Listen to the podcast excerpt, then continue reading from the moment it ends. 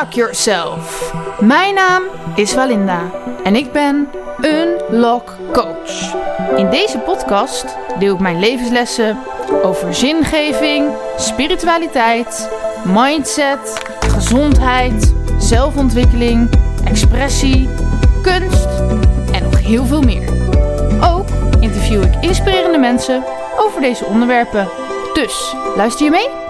Dan heb ik vandaag weer een nieuwe gast in mijn podcast. Waaronder mijn hond. Nee, die is niet nieuw, maar die springt net naast me. Ik weet niet of je dat kon horen. Ehm, wie ben je? Ik ben eh Leo Stijn. Ja. En ik eh, kom uit Garderen. En ik... eh, ja, wat, wat ben ik? Ik ben, ik ben dagelijks leven fietsenmaker. Mhm. En ik zie dat ik eigenlijk steeds meer mijn potentie wil gaan leven. Omdat ik jarenlang een klein jongetje heb geleefd, ik maar zeggen. Oké. En daar... eh, ja, dat is een heel eh, ontdekkingspad, zou ik maar zeggen. Mhm. En wat is eh, volgens jou je potentie? Want, want fietsenmaker is niks mis mee volgens mij. Nee, dat is waar. Maar ik help nu zeg maar eh, 500 tot 1000 mensen in de, in de regio, zeg maar. Mhm. En als ik naar de branche kijk, en natuurlijk veel branches, maar er is eigenlijk wel weinig of steeds minder of geen personeel. En dat is best wel belangrijk, zeg maar. Dus, en er gaat ook heel veel... ik had laatst een onderzoek eh, gedaan in een Facebookgroep die ik heb. En er was er de afgelopen anderhalf jaar meer dan 400 jaar ervaring uit de, de branche gegaan. Nou ja, hoe, hoe krijgen we dat terug, zou ik maar zeggen? Ik ben zelf eh, wat jaren ook eh, leermeester geweest. En dan, dan ja, dat dat, en daar zie ik steeds meer, ja, dat ik daar veel meer kan betekenen dan die 500 of 1000 mensen die ik nu help. Oké, okay, dus wat is je visie daarop? Wat, wat, wat zou je willen? Uh, ja, een, een hele tijd geleden in een, in een training was mijn visie de tweewielenbranche op een hoger niveau zetten. Mhm. Uh -huh. Terwijl ik geen idee had wat dat inhield. Maar uh, steeds meer komt het erop neer dat ik bezig ben met een online uh, platform. Mhm. Uh -huh. Waarbij ik uh, eerst heel graag die fietsenmaker maar wil helpen. Maar eigenlijk is het zo dat wanneer je een expert denkt te helpen, dan ja, die zegt eigenlijk altijd dat dit, ja, ik doe het al jaren zo en het gaat goed zo. En waarom zou, waarom, waarom zou jij mij helpen? Of uh, ja, maar ik kan beter zus of ik kan beter zo. Die hebben eigenlijk altijd een eigen mening. Uh -huh. En dan is het eigenlijk veel beter om uh, de virgin, de maagd, uh, te helpen. En de maagd is eigenlijk de, de consument. De consument staat eigenlijk altijd als fietser nu, wanneer je online een fiets gekocht hebt of bij Stella of waar dan ook je fiets koopt. Dan, Mhm. uh -huh. En je hebt nu bijvoorbeeld een lekke band. En je hebt een Stella en dan en ben je na 35 wachtende voor je en twee, twee maanden wachten ben je een keer aan de beurt als je band geplakt wordt. -huh. Nou, dat uh, mijn, hoe zeg ik dat, mijn fietsenmakershart of mijn fietsershart raakt dat, zou ik maar zeggen. -huh.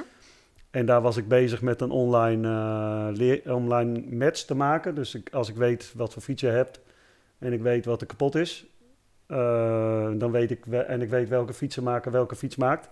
Niet alle fietsenmakers kunnen alle fietsen maken, want de een is meer op racefietsen gespecialiseerd of mountainbikes of e-bikes. En van e-bikes heb je weer heel veel verschillende soorten systemen.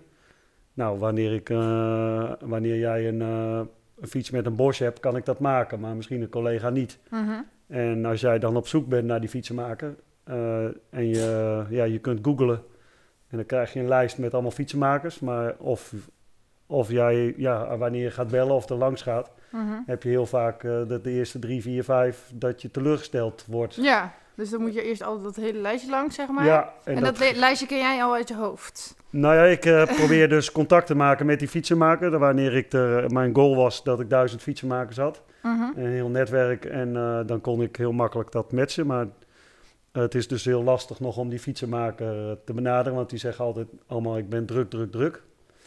En voor mij is eigenlijk druk zijn het nieuwe dom zijn, zou ik maar zeggen. -huh. Omdat er heel veel mogelijkheden en dingen zijn waardoor je minder druk hoeft te zijn. Ja. Ik heb zelf uh, uh, nou, onder andere vermoeidheidsziekte gehad. Uh, dat is nat uiteindelijk natuurlijk een wel een maatschappelijk ding. Met, daar ben je ook niet zo voor dat je een stempeltje krijgt. Nee, zeggen. nee. En dat, ik had dus de stempel ME, chronisch vermoeid. Dus Mhm. ja, wat moet je dan anders dan moe zijn? Ja. En daar heb ik heel lang mee geworsteld. En uiteindelijk ben ik denk sinds vier maanden, vijf maanden volledig medicijnvrij. Mhm. En eh barst ik van de energie, zeg maar. En, en doe ik leuke dingen. En, en kan ik heel goed geld verdienen, zou ik maar zeggen. Ja. En dat is heel veel. eh, bij de fietsenmakers werken ongeveer twee keer zoveel uren als mij. En verdienen ongeveer de helft van wat ik verdien, zeg maar. Ja. Dan denk ik van ja, dan, dan zullen ze nu nieuwsgierig worden met vragen stellen. Van Mhm. eh, hey, hoe, doe je dat dan? En hoe kunnen we dat samen doen? En, maar het is allemaal van, eh, nou dat zal wel niet kloppen. En eh, wat, hoe, hoe kom je er nou aan? En heb je dat nou weer bedacht? En, Ja. en dat voor mij voelt dat steeds meer als negatieve energie. Dus ik wil eigenlijk steeds meer, ja, eh, niet dat ik per se mensen moet helpen, maar ik heb het wel een beetje gekend, zeg maar, helpersyndroom. Was Mhm. altijd iedereen aan het helpen, behalve eh, mezelf, zou ik maar Mhm. zeggen. En ja, daar, dat hoeft niet. En toch ben ik hier wel, ja, dat ik me dingen ervaar en belichaam en, en dat eigenlijk doorgeef, zeg maar. Ja. En dat is eh, als ik dan ja, de systemen die ik zelf in mijn vermoeidheidsziekteperiode, benoeming, eh, een heel woord maar Ja. ervan. Toen je je erg moe voelde. Ja. Ja. nou ja, ja, ik vraag me af, achteraf af, was, was dat echt zo, zou ik maar zeggen? Omdat, je, omdat ik steeds meer in de mindset, mindset ook dingen zie. Mhm. Dat als je zegt, ik, eh, ik zei altijd, ik ben moe. Ja. En toen ging ik op een gegeven moment- zeggen, ik doe moe. En dan is het heel anders, want dan heb ik, had ik een keuze, zeg maar. En dus, Ja. dus ik heb heel lang gedacht dat ik moe ben, maar je, je doet moe, zeg maar. Dus, dus Ja. wanneer ik daarmee eh, stopte, ja, kon ik eigenlijk eh, steeds meer dingen in balans gaat het uiteindelijk ook over. En je, ja, allemaal krijg je wel zo'n beetje je pakketje mee, zou ik maar zeggen. Van, Ja, maar ik moet zeggen dat ik ook wel veel tijden heb gekend dat ik moeheid ervaarde, zeg maar. Ehm, maar, maar soms dan, dan kan je gewoon doorgaan. Ja. Maar dan alsnog voelt alles, zeg maar, dan voelt het ook tegen natuurlijk om door te gaan, zeg maar. Snap je wat ik Ja, bedoel? dat zeker. Ja, dat, dat waren wel die momenten ook wel, zeg maar. Dus dan heeft, eh, had het lijf gewoon letterlijk rust nodig. Ja, en dan kan je wel met je mindset daar tegenop Ja. knokken, maar dan maak je jezelf volgens mij alleen maar zieker. Ja, klopt. Helemaal. Ja. Oké, nee, Ja. dat we dat wel. Nee, dus dat, dat is zeker waar. Doe gewoon niet zo moe, joh. Nee, nee, nee, alleen met de mindset red je het natuurlijk ook niet. Nee, want nee, eh, nee. Ja, in, in die zin, ja, zijn, eh, ja, wat is het? We zijn eh, eh, niet één schakeltje, zou ik maar zeggen. hè. We zijn eh, eh, ja, één complete, ja, weet ik veel, als ik aan mijn linkeroor zit, dan kan er in mijn rechterteen iets gebeuren, zou ik Mhm. maar zeggen. Ja, Zo groot zijn wij, zeg maar. Dat meteen een eh, lastig dingetje in. eh, als je kijkt naar de, hoe de gezondheidszorg of zo daarin kijkt, zeg maar. Dat we, we noemen dat. eh, dat als ik eh, nu bijvoorbeeld eh, wat homeopathische middelen neem of ik doe een leverreiniging. Dan zegt men eh, van. ja, dat is alternatieve geneeskunde. Zeg maar. Mhm. ja. En dan denk ik van. ja, het is alleen maar natuur, zou ik maar zeggen. Mhm. Dus, dus dat, ja, dat dat, dat raakt mij, dan, zeg maar. En dat je de medicijnen van eh, pilletjes, eh, dat, dat men dat eh, medicijnen noemt. Terwijl dat dus ja, hartstikke alternatief is, zou ja, ja. En dat is een heel, ook een heel dingetje in, in, in taal natuurlijk. Mhm. En taal is sowieso al lastig, zou ik maar zeggen. Want Ja. als, als wij samen, sa- of nou ja, samen, of als met een hele groep, nog veel, veel complexer, zeg maar, met een groep van duizend. En we zouden zeggen van, zullen we een, eh, een boom in, eh, in gedachten nemen? Mhm. Nou, dan zijn Zien we van, allemaal die, een andere boom. van die duizend mensen zien we allemaal een andere boom. En Ja. de ene ziet alleen de wortels en de andere ziet alleen mooie bladeren en de andere ziet geen bladeren. En ja, de, terwijl we het allemaal over hetzelfde woordje hebben, zeg maar. Ja. Dus daarin is het wel eens te begrijpen dat wij eh, mensen elkaar eens niet begrijpen, zou ik maar zeggen. Omdat we het... Gewoon allemaal een andere eh, ervaring en een ander beeld erbij hebben. Ja, ja. Oké, ik probeer even een soort samenvatting te maken van je verhaal. Of weet ik nog niet precies, maar in ieder geval, volgens mij ging het nu nog een beetje alle kanten op. Oh, dat doe ik heel... eh, dat kan wel vaker gebeuren. Ehm, dus, dus het komt erop neer, je was ooit fietsenmaker. Of, nou ja, dat, dat ben je Ben natuurlijk gewoon. Ja. Ehm, Ik doe fietsen maken. ja. je hebt een platform daarin. En ehm, ja, ik ben, ben sowieso eigenlijk al benieuwd van hoe ziet dat platform er dan uit. Ja, misschien moeten we daar beginnen. Van, Ja. van, wat doet dat platform nou precies? Want dat ging ook een beetje Het nog... idee is de, dus die ideale match te maken, zeg maar. Dus jij, jij eh, als een soort thuisbezorgd.nl, als wij Ja. nu eten willen hebben, dan hebben we over 10 minuten hebben we eten. Ja, En eh, ik vind dat dat met de fietsen maken ook moet kunnen, zeg maar. Ja. Dus, dus ik kijk op een site en ik zeg, eh, ik heb een voorbandlek. Dan heb ik eigenlijk zelf nog het idee van, of de- wat ik aan het maken ben nu, is dat, je, dat ik laat zien, je hebt zeg maar, een, zeg maar 80% van de meest voorkomende reparaties. mhm. Die heb ik, nou heb heerlijk mijn hand aan het liggen. ja, dus mijn hond die is wel vaker bij podcast, maar meestal is hij heel rustig. Maar vandaag is hij een beetje aanwezig. Heel enthousiast. Heel enthousiast. Ik denk dat ik hem net niet lang genoeg heb uitgelaten. maar goed. Eh, Dus als je gekke geluiden hoort, dat is mijn hond. Dat is de hond. Ja. Nou, z'n Tenminste, dat hopen we dan maar. ja. Dus, ehm, op, dus die, eh, die hebt die standaard prijslijst, zeg maar. En standaard eh reparatieopdrachten. En daarbij wil ik ehm videootjes maken van elke reparatieopdracht. Dus dan kan je het ook zelf doen. Want, want wanneer je het eventueel ziet hoe je het moet doen, zou je het misschien heel makkelijk zelf kunnen doen. En daarnaast eh, heb je vaak, eh, dan gaat het voor mij over bewustwording, zeg maar. Op het moment dat jij ziet hoe je het moet doen, dan is het misschien wel van, eh, ja, ja, maar ik heb die tool niet. En ja, de- jij doet dat wel zo makkelijk, maar dat zie ik mij nog niet doen. En als je dan daarnaast ziet van, hé, hey, die binnenband voor vervangen kost me 25 euro. Nou, klik hier en boek mij maar een fietsenmaker, Mhm. zeg maar. Dus dat is het idee van, die, van het platform. Om jou als eh, consument, zeg maar, eh, te helpen. Eh, ja, dat je snel en ja, snel bij, aan je fiets gemaakt wordt. En dat is dus eigenlijk gewoon een soort thuisbezorgd voor... Voor fietsreparatie. ja. En ehm, je zegt van... eh fietsenmakers zeggen nu dat ze daar eigenlijk te druk voor zijn of zo. Maar Ja. in hoeverre zou ze dat dan... ehm, wat zou het hen opleveren als ze daar wel aan meedoen? Want dat snap ik nog niet helemaal. Op wat voor manier ze... Eh, ja, in mijn beleving heb je, ja, als je, of mijn ervaring is ook, ik heb zelf Mhm. eh 20 jaar, 25 jaar winkel in Ermelo gehad. Mhm. En daar had ik heel Ik woonde altijd in Ermelo Ja. trouwens. vandaar dat we elkaar kennen. ja. Zo, daar had ik, eh, dan had ik zeg maar mensen in de winkel. En nou, wij deden wel grotendeels alle fietsen maken, maar we konden niet altijd alle fietsen maken. Want er kwam iemand met een gezelle en dan had je, hadden wij de spullen niet voor, omdat je daar geen dealer van bent. Of eh fiets met een bepaalde motor en daar hadden we de kennis niet van. En dan, ja, dan wil, toch wil je enerzijds nog die klant wel een beetje helpen. En, eh, en, en dus ja, je bent al gauw, ook al wil je diegene niet helpen, toch even 10 minuten bezig, zeg maar. Mhm. Nou, stel dat ik daar zes klanten van op een dag heb, dan is het toch al zes keer 10 minuten, een, uur, Ja. per dag, eh, vijf dagen in de week, Nutteloze dingen aan doen. nutteloze dingen aan doen. Waarbij, ja, en dan kun je zeggen, ja, dat is altijd goed geweest. Maar waar ik heb gemerkt wanneer ik heel helder en duidelijk ben naar een klant. eh, ja, dan help ik hem ook veel beter. Dat is voor die klant ook veel prettiger, zeg Ja. maar. Want wat heeft er, als die achteraf denkt van ja, eh, zeker als je dus bij de derde of vierde fietsenmaker komt en je haalt voor de vierde keer je 10 minuten als klant. Nou, dan kookt je water al een beetje zo Mhm. van ja, is er nou echt niemand die, maar ja, wij mensen zijn toch eh, we hebben misschien heel vaak wel een helpersyndroom, maar we willen ook wel heel graag soms geholpen worden, zeg maar. Ja. Of gezien worden of gehoord worden. Mhm. En ah, vooral dat verhaal is, is dan niet aanwezig, zeg Nee. maar.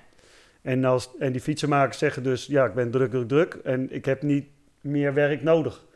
Maar mijn beleving is, wanneer we dus mm, eh, helderder en duidelijker een klus voor hun aanleveren en mogelijk ook wel tegen een hoger tarief.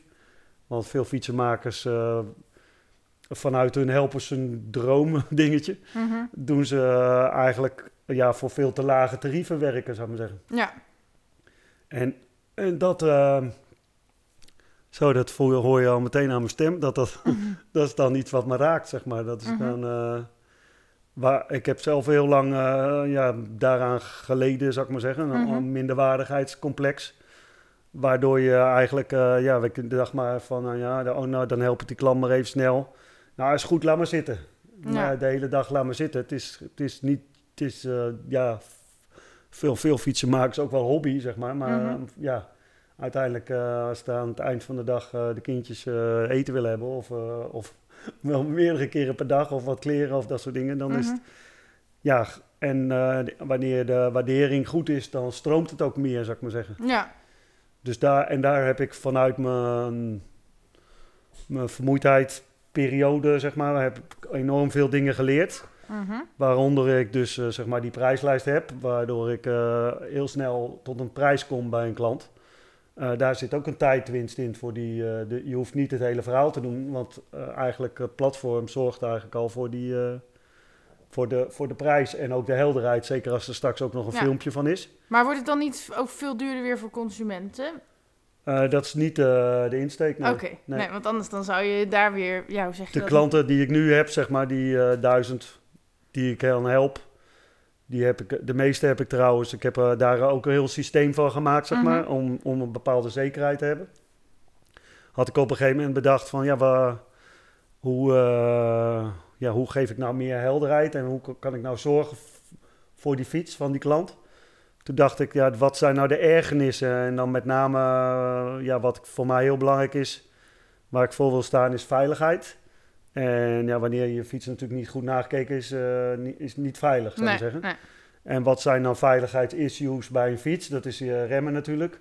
Eh, je ketting, want wanneer die eh, door zou trappen of wat dan ook, of je versnelling doortrapt of die ketting klappert, nou, dan, vaak heb je dan veel meer schade dan als je het Mhm. eventjes bijstelt. Dus wij geven een jaar als je een onderhoudsbeurt van een fiets laat doen en dan wordt die helemaal technisch nagekeken. Eh, wij doen hem ook nog wat poetsen, omdat met poetsen zie je dan ook eh, of je dan een gescheurtje in je velg hebt of, of iets anders. En beschermen, zodat hij gewoon lekker meegaat, eh, langer meegaat. En dan op het moment dat hij dan nagekeken is, heb je een jaargarantie op het gratis afstellen van remmen, ketting en Mhm. versnelling. Ik zit bijna te twijfelen of ik de hond even ergens anders neerzet. Ah. Hij gaat zo piepen. Maar kan je, ik, ik luister nog steeds, kan dat? Ja, helemaal goed. Maar als ik, eh, ja, heb je genoeg verhaal om door te praten? Ik heb genoeg Oké, verhaal om door te praat praten. maar even door.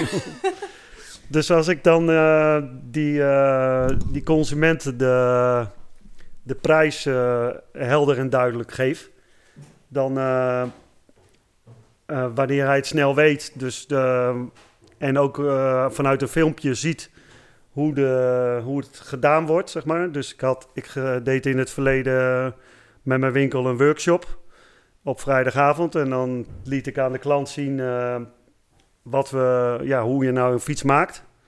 En wanneer je dat ziet, dus wij deden zelf een kwartier, half uurtje de fiets maken.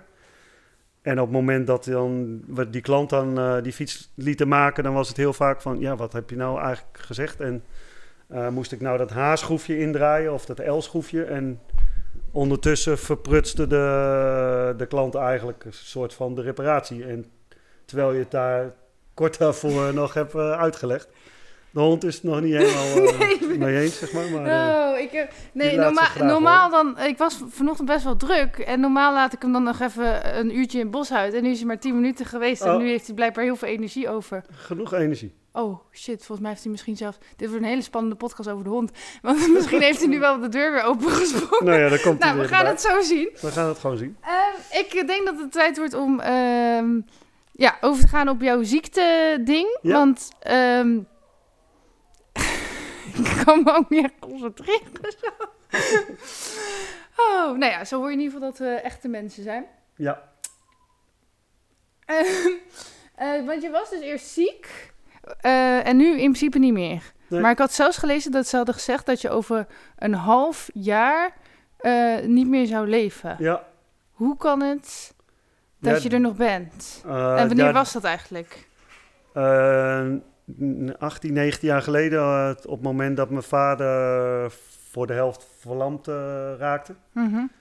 eh, is bij mij een enorme impact geweest, zeg maar, een shock van nu, moet, nu moet ik het doen.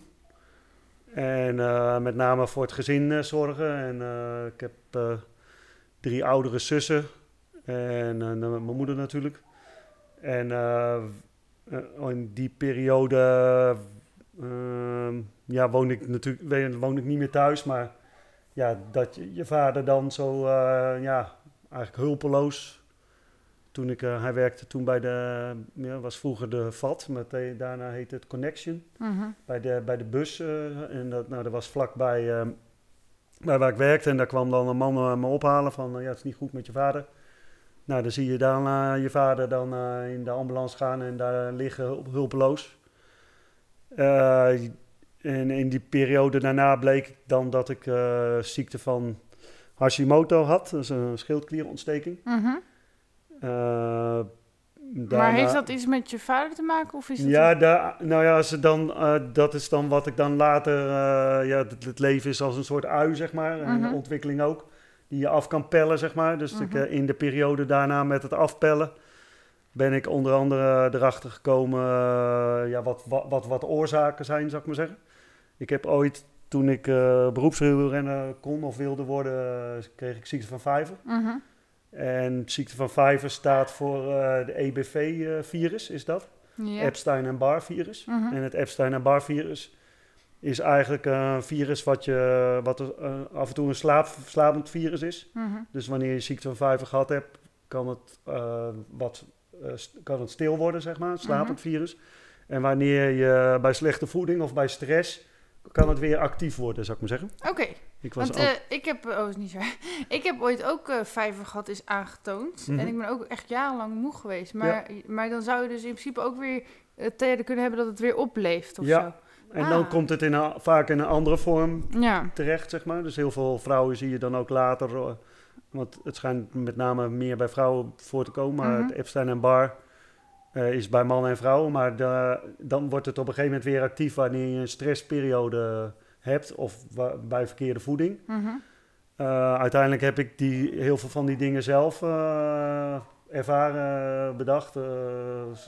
dat ik op een gegeven moment zelf zag, hey, wanneer ik geen stress heb, wanneer ik goede, gezonde voeding heb, ja, dan loopt mijn leven eigenlijk zoals in, meer in balans. Mhm. Dus wat is dan nog eh, de ziekte, zou ik maar zeggen? En wat is dan nog... eh, en ik moest... zou verplicht medicijnen voor mijn schildklier eh, moeten nemen. Want dan, als ik dat niet zou nemen, dan zou ik nou ja, doodgaan, zou ik maar zeggen. Mhm. Want dan zouden andere organen eraan gaan. En nou ja, ik ben van overtuigd dat nou ja, medicijnen op zich kunnen helpen. En hebben mij ook geholpen. Maar in die periode was het... Nou ja, hoe ik het nu ook wel zie, is dat ik ook wel in een soort verdienmodel kwam. Want dan kwam de psycholoog eraan en dan de antidepressiva. En eh, nou ja, Mhm. zo'n heel pakketje. pakketje. En, en het is niet zo dat ik, dat ik daar 100% op tegen ben, maar het kan ook wel heel anders. En eh, volgens mij is de hond nu losgekomen, of, of niet? Ja, nou, ik eh, hoop dat hij zo een keer ophoudt met piepen, want ik weet niet zo goed, anders dan moet ik hem eh, beneden in de schuur of ontspannen. Dan, eh, daar, wij Ja. erin ontspannen, komt hij vanzelf Ik hoop het. tot ik rust, zal ik zeggen. dus die, ehm, dus ik, ik wil niet helemaal, want ik krijg wel mensen als ik dan zeg van ja, medicijnen, maar dit en dat. En je hebt er daardoor wel zo geleefd en dat is zeker waar, Mhm. zeg maar. Ik heb een paar jaar geleden, toen ik onder andere zag dat ik enorm veel stress had van een winkel. Dus de winkel die ik in Ermelo had, die, eh, die, ja, ik zag meer vrijheid in. In eerste instantie was het op een bakfiets aan huis eh, repareren. Mhm. Toen zag ik mezelf weer als een beroepswielrenner, wat ik al wilde. Nou, ik kon voor mijn beroep eh, fietsen. Dus fietsen maken, maar zelf ook fietsen. Mhm. Alleen was ik al vrij snel met een bus daarnaast en een werkplaats thuis. Had ik weer op drie verschillende plekken mijn gereedschap en mijn onderdelen liggen. Merkte ik daar weer de onrust, zeg maar. Dus Ja. daar ben ik steeds scherper in geworden.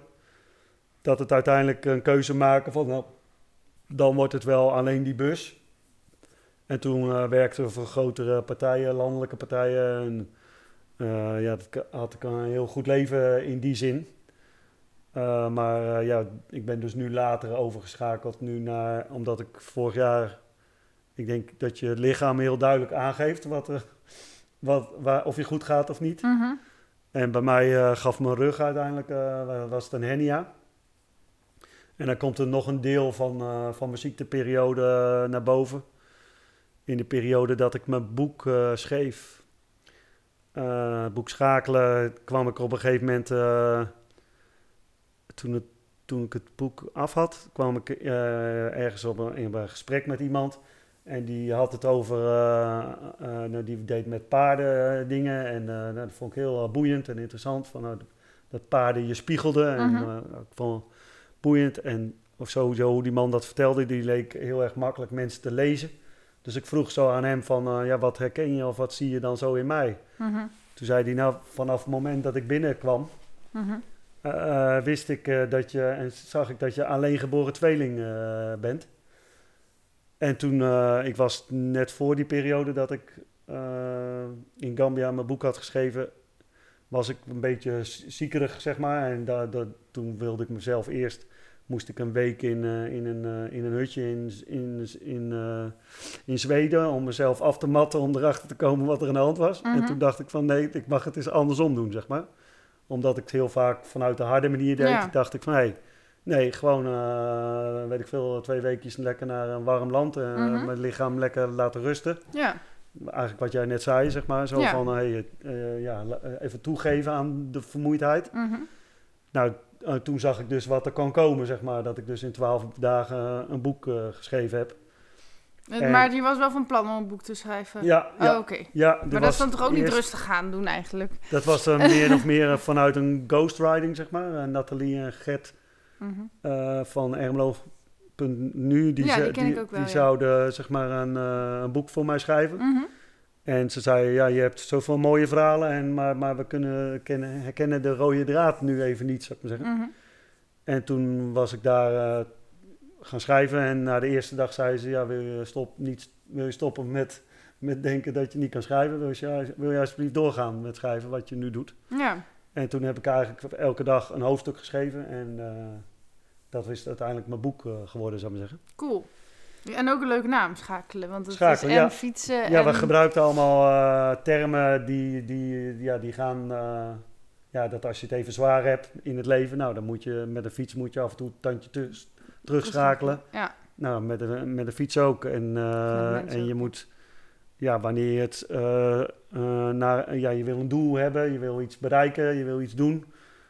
Wanneer je nu, nu zegt van... Hey, zullen we morgen de Alpe d'Huez oprijden? Ja, dan, ja, dan heb Gaat het waarschijnlijk niet lukken. enige kans dat het niet gaat lukken. Of, of met heel veel stress of heel veel pijn in mijn lichaam. Ja, ja. Wanneer, wanneer we een leuke voorbereiding hebben en dat soort dingen. En ja, dan gaat het in één keer hartstikke goed lukken. Maar op dat moment van die, eh, dat ik daar was met die, eh, dat die man dat zei over, mijn, eh, over die alleengeboren tweeling. Toen werd ik meteen misselijk en beroerd. En ja, de, herkende ik toch iets erin van ja, Mhm. en het grappige was dat ik in die periode na erkende ik zelf meer sowieso het woord. Want ik, het woord tweeling kon ik eigenlijk nooit uitspreken. Ik, het grappige was dat ik altijd tweewieler zei. In plaats van tweeling, zeg maar. Ja. En, en nou ja, in welke wereld leef ik, zou ik maar zeggen. Ja. Veel, veel in de tweewielerwereld. En, eh, met, en dan heb ik, me- om weer even aan te haken over die hernia waar ik het over had, zeg maar. Mhm. In die periode dacht ik heel erg aan zelfgenezend vermogen van mijn lichaam. En daar was ik dan vooral een soort van ook hard voor aan het werk. Dus ik had een hernia en dat moest ik zelf oplossen.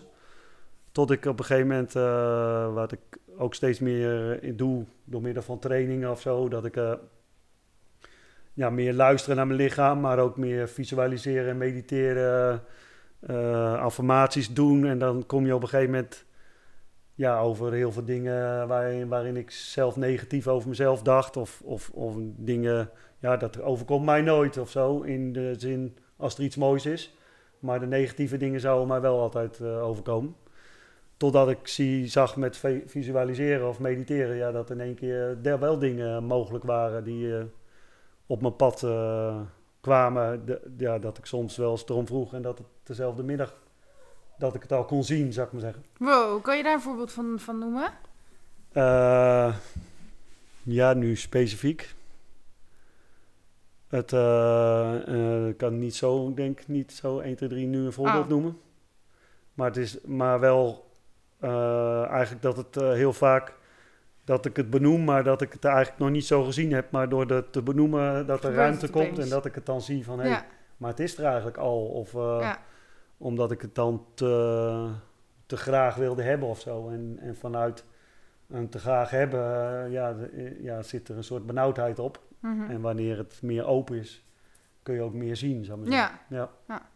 En uiteindelijk bleek met die hernia, kwam, er was ook weer luisteren naar signalen en zo van mezelf of van klanten of ontmoetingen, zeg maar. Ik, ik ben 100% van overtuigd dat elke ontmoeting, elke dag, elk moment je ja, met uitlaten van de honden Mhm. totdat in de supermarkt altijd mensen tegenkomt die op dat moment iets laten zien of eh, spiegelen of bewust eh, maken. Mhm.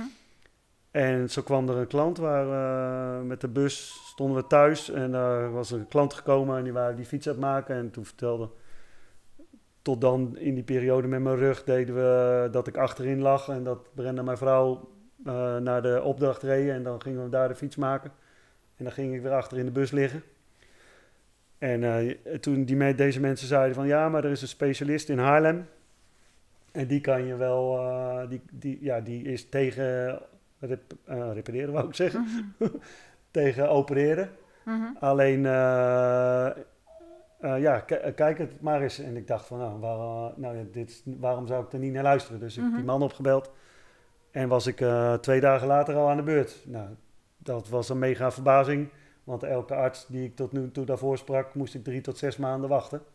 Oké. om überhaupt geholpen te worden of verder onderzoek. Of, en deze man, dus ik vroeg aan hem, vanuit ook waar ik zelf met fietsen maken mee bezig ben. Hoe kan dat? dat, dat ik, ik zie dat ook vaak, dat ik klanten snel help, maar en daarna hoeven ze niet eigenlijk de fiets zo snel meer mee te komen. Omdat ik, ja, ik probeer ook verder te kijken dan eh, Morgen. Ja. Ja. dat ze nu zeggen van eh, ja, mijn fiets, mijn, mijn, mijn fiets klappert. En ondertussen de standaard bijvoorbeeld los laten zitten of zo. Nee, Mhm. die heb ik dan ook even aangedraaid of, of wat dan ook. Mhm. Dus even verder kijken. En, dat was, en deze man ook, die keek eh, verder en hij zei... eh, ja, het is allemaal aan elkaar verbonden en dit en dat. Maar ja, wat ik aan je zie van de foto's die ik zie... en aan de testen die ik met je gedaan heb... dan, eh, ja, ik, ik raad veel mensen een operatie af... maar jij moet gewoon een operatie doen.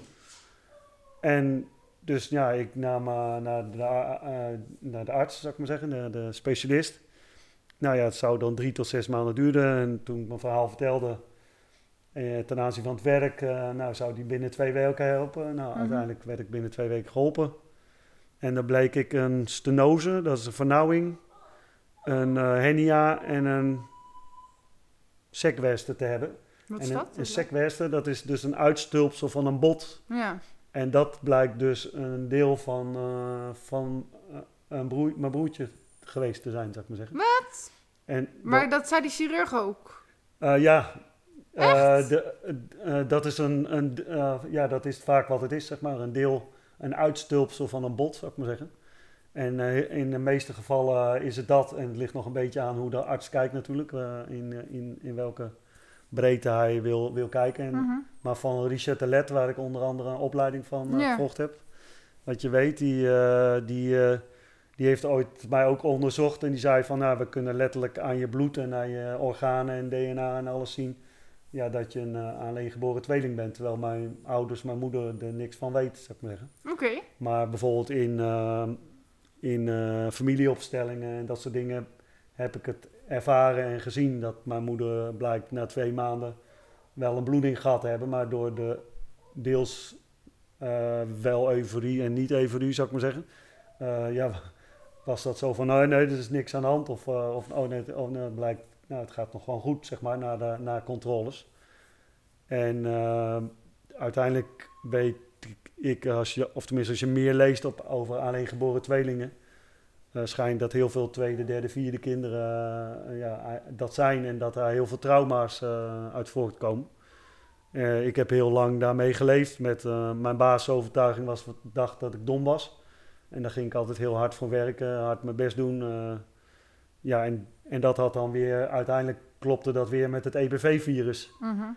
Ja, dat ik dus heel vaak met stress ook kwam te zitten en dat ik dus heel vaak ziek was. Dus nu uh, door middel van uh, het werken met een natuurarts en zo uh, eigenlijk naar die dingen gekeken. En uiteindelijk met homeopathische middelen, met rust, met natuurlijke dingen als leverreiniging of toestanden, mijn lijf steeds meer opgeschoond en, en ontgift. En ja, dat is nu dan, als het goed is, ben ik, ik moet, sorry dat ik erom lach, maar als het goed is ben ik nu over een maand dood. Want het is nu vijf maanden Mhm. dat ik al geen medicijn ook voor mijn schildklier meer gebruik. Mm-hmm. En eh, nou, voor mij is dat ik elke dag juist meer tot leven kom in plaats van dat ik... eh, eh, Maar je vindt het niet ergens nog eng of spannend, omdat ze dat wel natuurlijk over je hebben gezegd? eh, dat blijft soms wel eens, eh, en zeker door de maatschappij, hè, want Ja. Ja, zeker mensen die een opleiding gehad hebben, die, eh, nou, tegenwoordig heb je een opleiding medicijnkunde, maar geen Mhm. eh, opleiding, eh, o- eh, opwei- opleiding tot ja, ja, geneeskunde, zou ik maar Mhm. zeggen. Het is meer medicijnkunde, Ja. van nou ja, hoeveel pillen schrijf ik die voor. ziekte, dus je moet dat pilletje. Ja, en bij onder andere bijvoorbeeld bij, bij mijn hartinfarct die ik kreeg nadat ik een keuze maakte voor rust en voor ontspanning. Eh, ja, ik stel mezelf voor, zeg maar, als de 80 eh, auto's door, me, door mijn aderen eerst heen pompten. Vanuit eh, de stress en de energie die ik dacht te moeten leveren. Mhm. koos ik ervoor om thuis, vanuit huis te, op, ja, te opereren. Mhm. Dat is een mooi woord in Ja. die zin, zeg maar. hè. Maar dan visueel bedoel je? Visueel, ja. eh, ging ik, koos ik voor die rust, zeg maar. En op dat moment kreeg ik een hartinfarct waarbij heel veel mensen shocked waren. En mijn lichaam boet het nog een beetje op, zeg maar. Ja. Is dat het, voor mij was het niet shocked. Voor mij was het van eh, erkenning van dat het klopte waar ik voor gekozen had. Omdat eh, in dat geval volgens mij in één keer misschien maar 30 auto's door mijn door me, door mijn aderen pompten. Dus veel rustiger. Nou ja, wanneer je dat in een autosituatie of in een weg zou, zou symboliseren. Eh, ja, dan krijg je opstoppingen of, eh, of andere dingen, zeg maar. En, en dat ik, herken ik uiteindelijk dan weer bij het verhaal van mijn vader, zeg maar. Die kon op zijn 65ste gaan genieten. Maar toen was het dan afgelopen, zou ik maar zeggen. Na Ja. die eh, jaar, anderhalf jaar verlamdheid. Ja, kon hij daar eigenlijk gewoon niet, daar kon hij niet mee leven, sowieso niet, zeg maar. En toen kreeg hij een eh, hartinfarct die dan, eh, weet ik veel, 14 keer groter was. En tot zijn hersenstam weg. En toen heeft hij nog een week geleefd, zou ik maar zeggen. Mhm. Maar daar her- herkende ik of herkende ik eh, dingen van eh, bepaalde gaves die ik altijd verstopt heb, zeg maar zeggen. En dat was onder andere dat ik eigenlijk een week van tevoren zei van... We waren steeds aan het waken en we dachten van, nou, wanneer gaat, wanneer gaat papa nou dood, zou ik Mhm. maar zeggen. En dat ik zei van, nou, dat is zondag. Ja, en dan kun je zeggen van, ja, waarom zou die zondag doodgaan? Nou, mijn vader was gelovig, eh, katholieke kerk. eh, hij was ook diaak in de katholieke kerk. En dan was het meer zoiets van, uh, gaat sterven op de dag van de Heer. Mhm. En eh, zoals men dat noemt, zou ik maar zeggen. En, en dan kun je denken van, ja, dat, dat, nou, dat kun je zelf bedenken. Maar hoe bedenk ik dat? Ik Mhm. heb geen idee. Dat kwam zo bij mij eruit. Mhm. En drie dagen, twee dagen van tevoren zei ik van, nou, hij overlijdt zondag om tien over half drie s'nachts. Nou, hoe kom je daarop? Mhm. Ik wist het ook niet. En ik, ja, het, dat heeft me heel lang ook verbaasd. Of, en dat het toen, toen ook zo was van, nou ja, eh, doe niet zo gek of zo. Of eh, dat soort dingen. Maar om tien over half drie eh, kwam mijn vader te, tot sterven, zeg maar zeggen. En ja, dat zijn hele bijzondere dingen die ik later steeds meer zag van, hé, hey, ik heb al heel vaak dat soort dingen, dat ik dingen eigenlijk al lang weet hoe dingen gaan of hoe dingen... ehm, Ja, ik heb eh, ze ook wel eens, maar, maar niet, niet altijd. Dus dan, dan denk ik ook weer van ja, ja, hoe zeg je dat? Ik durf dan ook niet hard te zeggen dat ik dat heb. Want dan denk ik van ja, als iemand het gaat navragen, dan heb ik het weer niet natuurlijk. Ja, ja, dan is het alweer hebben en doen, hè, zeg Ja. maar. Hè? Dus dan wanneer, en volgens mij is het vaak wanneer je ergens toe neigt, zeg maar, dat je iets wil halen of zo, dan, dan klopt het nooit. Maar wanneer je het gewoon vanuit een Ontvangt, open, ja. ontvangt en vanuit een open hart is, Ja. En dan zie je Eh, achteraf van, oh ja, dat wist ik dan, eigenlijk al. ja, dat wist ik eigenlijk al. En dat, ja, dat verbaast me steeds meer eigenlijk, dat ik er gewoon bij, eh, bij dingen, bij, eh, weet ik veel, op een beurs of op dingen ben en dan ontmoet ik mensen en denk van, ja, dit gesprek heb ik al lang gehad. Hoe, wa- hoe, hoe, ja, vanuit verwondering en dankbaarheid eigenlijk Mhm. steeds meer leef, Ja, zie, eh, krijg ik dat ook steeds vaker terug eigenlijk. ja. En, dat de- en dan, is het, dan is het eigenlijk, ja, daar worstel ik soms nog een beetje mee dat ik denk van, ja, waarom, waarom moet ik dit nou zien dat ik het idee heb dat ik alles al een keer, ja, wat ik nu doe, wat ik allemaal heb meegemaakt. Ja. En dat, dat was ik onlangs, onlangs, had ik de mogelijkheid gekregen om op een beurs, eh, nou ja, mijn verhaal te vertellen, zeg maar. En Mhm. dan de, de werkplaats van 2030 te laten zien, eh, van ja, hoe... Want ik heb zelf met mijn gezondheid eh, leren efficiënt te werken. Dus Eh, onder andere ook, nou ja, in mijn bus heb ik nog nooit zo'n efficiënte werkplaats gehad. Dus aan wanneer je sneller werkt en wel een normaal uurtariefverblijf doen, ja, Mhm. kun je een klus die iemand, iemand anders misschien in drie kwartier doen, kan ik misschien in 20 minuten doen. En misschien nog wel met een hogere kwaliteit. Mhm. Doordat ik ehm, zelf steeds meer moest kijken. eh, alle, alle handelingen die ik eh, vaker dan vijf keer op een dag moet doen. En waar ik 30 seconden of meer winst kan halen. Eh, in energie was dat dan voor mij, zeg maar. Dus een mindset wat mij hielp bijvoorbeeld is minder. kan ik ja, minder doen en meer verdienen, zeg maar. in, ja. In, in de, niet in de zin dat het echt om het geld gaat, Nee. Maar in de zin omdat ik, eh, ja, anders verdien ik niks. nee, want maar. heel veel mensen denken altijd dat ze harder moeten gaan werken, zeg maar. Ja. Dus, dus harder in de zin van meer doen. Maar zeg maar, mensen die nu miljardair zijn, die werken niet Ja. altijd allemaal harder. Nee. Ze hebben ooit wel hard gewerkt natuurlijk. Ja, Maar, Maar je houdt het niet vol als je, als je zeg maar. fulltime alleen maar blijft werken. Ja. Dat- dus ik kwam toen nog steeds meer op het idee om als eh, influencer eh, dingen te doen. Mhm. En, eh, of eigenlijk niet, ja, het is een beetje een lelijk woord, vind ik eigenlijk ergens. Oh, ik vind het wel een leuk woord. Ja, maar het is ook, wat, breng je Ja, teweeg, ja. zeg maar. Ja, eigenlijk is eigenlijk veel, eh, ja, veel boeiender eigenlijk, zeg maar. Ik, zeg, ik benoem, benoem mezelf zo, maar omdat, omdat anderen mij zo noemden en als ik dat, ja, als ik dat dan, eh, dan geven veel fietsenmakers mij wel eens terug van, nou van, ja, die Leo die zegt over zichzelf dat hij ambassadeur en eh, influencer van de fietsenmakers is. En ik geef eigenlijk terug van, ja, dat zijn we allemaal. Alleen, ja, jij zet het niet bij je profiel en ik zet het bij mijn profiel. Ja. ja, in Dus- principe, als, het goed, als je voor je bedrijf staat, dan ben je ook een ambassadeur. Ja, Ja. voor het vak, zeg maar. En Ja. dat is ook al een andere manier van kijken, zou ik maar zeggen. In dat er heel veel mensen eh, kijken toch eh, in, een, in een kleine perspectief, zeg maar. Ik, ik, eh, Ja, dat kunnen ze niet zien wat je nu doet met je handen. dat niet zien, maar ik maak een soort verkleinend eh, Ja. gebaar, zeg maar. En wanneer ik eh, mijn armen volledig opengespreid heb.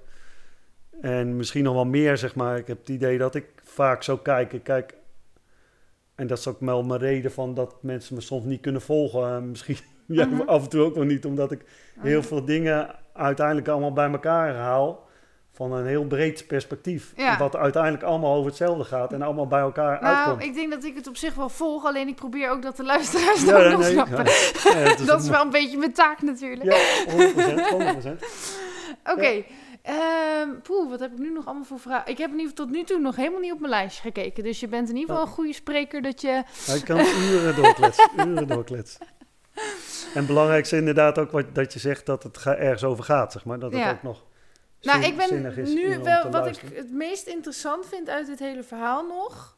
is toch van hoe ben jij nou... Want in principe ben je nu gezond, toch? Ja. Dus hoe ben je van ziek naar gezond gegaan, zeg maar? Dus je was vier jaar geleden of zo? Of Wanneer is dat?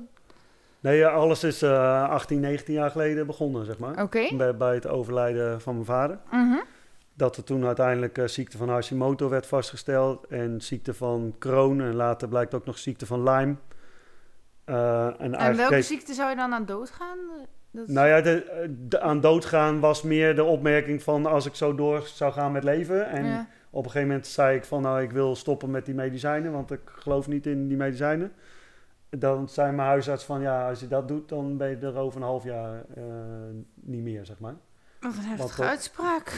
Ja, dat is, eh, nou ja, niet alle, ook daarin is het altijd gevaarlijk een uitspraak om weer terug te leggen, zeg maar, van eh, dat is veel wat artsen doen, want Ja. gelukkig zijn steeds meer artsen niet. En, waar, en ik snap het ook, zeg maar, wanneer je vanuit dat perspectief leert waarin hun leren, dan, dan is dat de waarheid, zou ik maar zeggen. En het blijkt dus nu, eh, ik heb onder andere, leest ik een boek van Anthony Williams, is het geloof ik. Dat is een medium, zeg maar, en die die, iemand zei dat ik dat boek moest lezen. En toen dacht ik, nou jeetje, 60 euro voor een boek. Ik had op dat moment dat geld niet en dit en dat. En op de een of andere manier had ik toch in één keer het boek. En toen kreeg ik het boek en toen was het boek beschadigd. En toen heb ik dat aangegeven en toen zei ze van, ja, wil je, wat wil je? Ik zeg, ja, ik kan, dat vind ik zonde dat ik het boek terug ga sturen. Dit is, dat hoort niet bij deze maatschappij. Mhm. Of dat hoort bij deze maatschappij, dat we alles dan maar weer wegdoen. Ik zeg, nou, geef me dan maar eenzelfde soort boek met een andere titel of zo. Mhm. En die man had nog een boek geschreven. En nou ja, dan ga je dat lezen. En dan eigenlijk alles wat daarin staat. eh, gaat over de, bijvoorbeeld over dat E- Epstein en Barr virus. En alle de dingen die ik had gezien. Dat er heel veel triggers zijn. Waaronder stress en verkeerde voeding.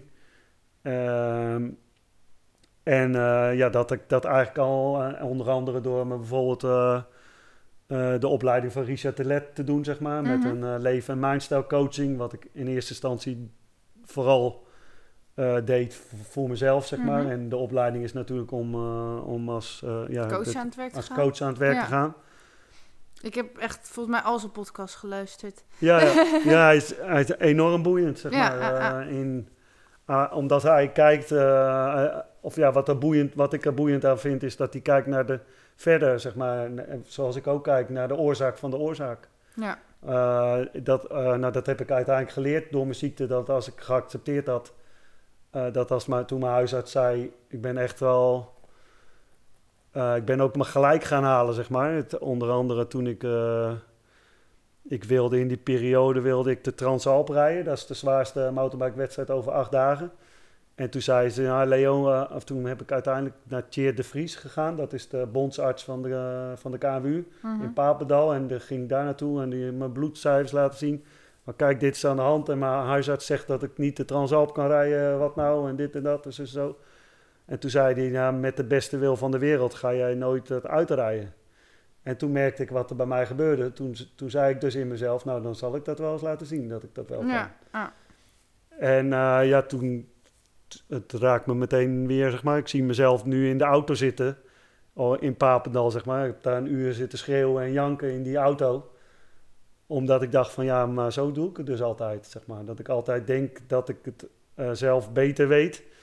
Eh, daar herken ik mezelf in als ik met andere fietsenmakers Mhm. eh, soms praat. En, en daar kom je altijd in een strijd terecht, zeg maar. Mhm. En met een strijd is eigenlijk al een ziekte, zou ik maar zeggen Ja. Omdat wij eh, hier zijn vanuit liefde met Mhm. elkaar. In eh, dat alle geloven eh, één ding eh, gemeen hebben. En dat is eh, eh, alleen liefde. Mhm. En waar hebben we het altijd over? Ja, jouw geloof is niet goed, want die van mij is beter. eh, want, want jullie doen dit en jullie doen dat. Maar dan, waar we altijd mee bezig zijn, en dat had ontdekte ik onlangs weer op die beurs. Dat we zo bezig zijn met het erover hebben. En erover praten eh, lost helemaal niks op, zou ik maar zeggen. En, en nou, de, als ik dan nog verder met een soort van verwijten ga, krijg je de, als je, eh, hoe een regering en eh, land dingen bestuurd worden, dat is allemaal er- dingen erover praten. Maar ja. Maar ook echt... wanneer er werkelijk wat Mhm. gebeurt, zeg maar. Kijk, als ik als voorbeeld als fietsenmaker, eh, wanneer wij, eh, stel jouw rem is kapot. En ja, dan kan ik uren met fietsenmakers erover praten eh, hoe die remstuk is en wat er aan te doen. En dit, maar, als ik, ik da- maar dan is er aan- na die vijf uur nog niks gebeurd. Nee, Dan is jouw rem nog steeds niet gemaakt. maar dat heb je echt in heel veel van die hele grote bedrijven ook. Dat ze gewoon elke maand weer gaan vergaderen. Maar Ja. gewoon helemaal niks nee, doorzetten of ja, zo. dat heb ik. ben als adviseur onder andere bij fietsenwinkel.nl eh, gewerkt. En dan waar ik ook met sorry, verschillende eh, directeuren. En dan heb je. Dan eigenlijk gingen ze allemaal steeds weer hetzelfde dingetje doen. Maar, maar ze de kern, als je niet, niet snapt wat een fiets inhoudt. Een fiets is meer dan een frame en twee wielen. Mhm. En het is best complex. En, eh, en het grootste probleem eigenlijk, en dat is wa- wat ik in, in mijn ontwikkelingstraject heb gezien, zeg maar. Mijn kernwaarde is waardigheid. Mhm. En dat betekent wanneer, eh, ja, dat triggert mij, zeg maar, wanneer dingen niet waardig zijn en, en wat er voor mij niet waardig is. En waardoor ik dus uiteindelijk ooit gezegd heb van ik wil die tweewielenbranche als mijn visie en mijn missie, zeg maar, eh, die tweewielenbranche op een hoog niveau. Dat is dat ik, wat ik nu zie, is dat wij, en daarom kom ik ergens ook wel op voor, juist voor fietsenmakers, Mhm. is dat wij ons, eh, excuus voor het woord, maar dat wij als een soort hoer zijn, zeg maar. Mhm. Wij, wij doen, eh, je hebt een fietsenmerk, uh, Gazelle, Batavus, eh, Sparta, eh, noem alle, alle fietsenmerken die er zijn, die, die aan, eh, aan ons leveren, zeg maar. Eh, je hebt tegenwoordig ook steeds meer merken die leveren rechtstreeks aan de consument. Eh, daar, is de ook, daar is het ook uiteindelijk is de klant altijd het probleem, zeg maar. Mhm. En, en dat komt vanuit dat er eigenlijk weinig of geen verantwoordelijkheid recht, echt wordt genomen. Mhm. Want op het moment dat ik, eh, stel dat ik een eh, fiets verkoop en de motor is stuk, omdat, eh nou, merk Bavang bijvoorbeeld, die heeft die motor gemaakt. En dan zegt, en dan zegt het merk van die fiets, die zegt van, ja, nou ja, hier heb je een nieuwe of vervang dit onderdeel. Maar ja, omdat het een chronisch probleem is of een, een probleem wat niet goed gemaakt, of een, on- een product wat niet 100% goed genoeg gemaakt is of over nagedacht is, Mhm. eh, komt hij even later die storing misschien nog wel een keer terug en nog wel een keer terug. Maar elke keer mag ik het weer maken. Mhm. Maar mijn, de, mijn merk gaat me misschien een keer een tientje of 20 euro vergoeden, maar vaak minder dan dat het aan mij aan tijd kost. Of merken zeggen, nou dat zit in je marge. Dus, maar op een gegeven moment, als je als fietsenmaker 25, 30, 35 procent marge hebt, op een gegeven moment is je marge gewoon op. Mhm.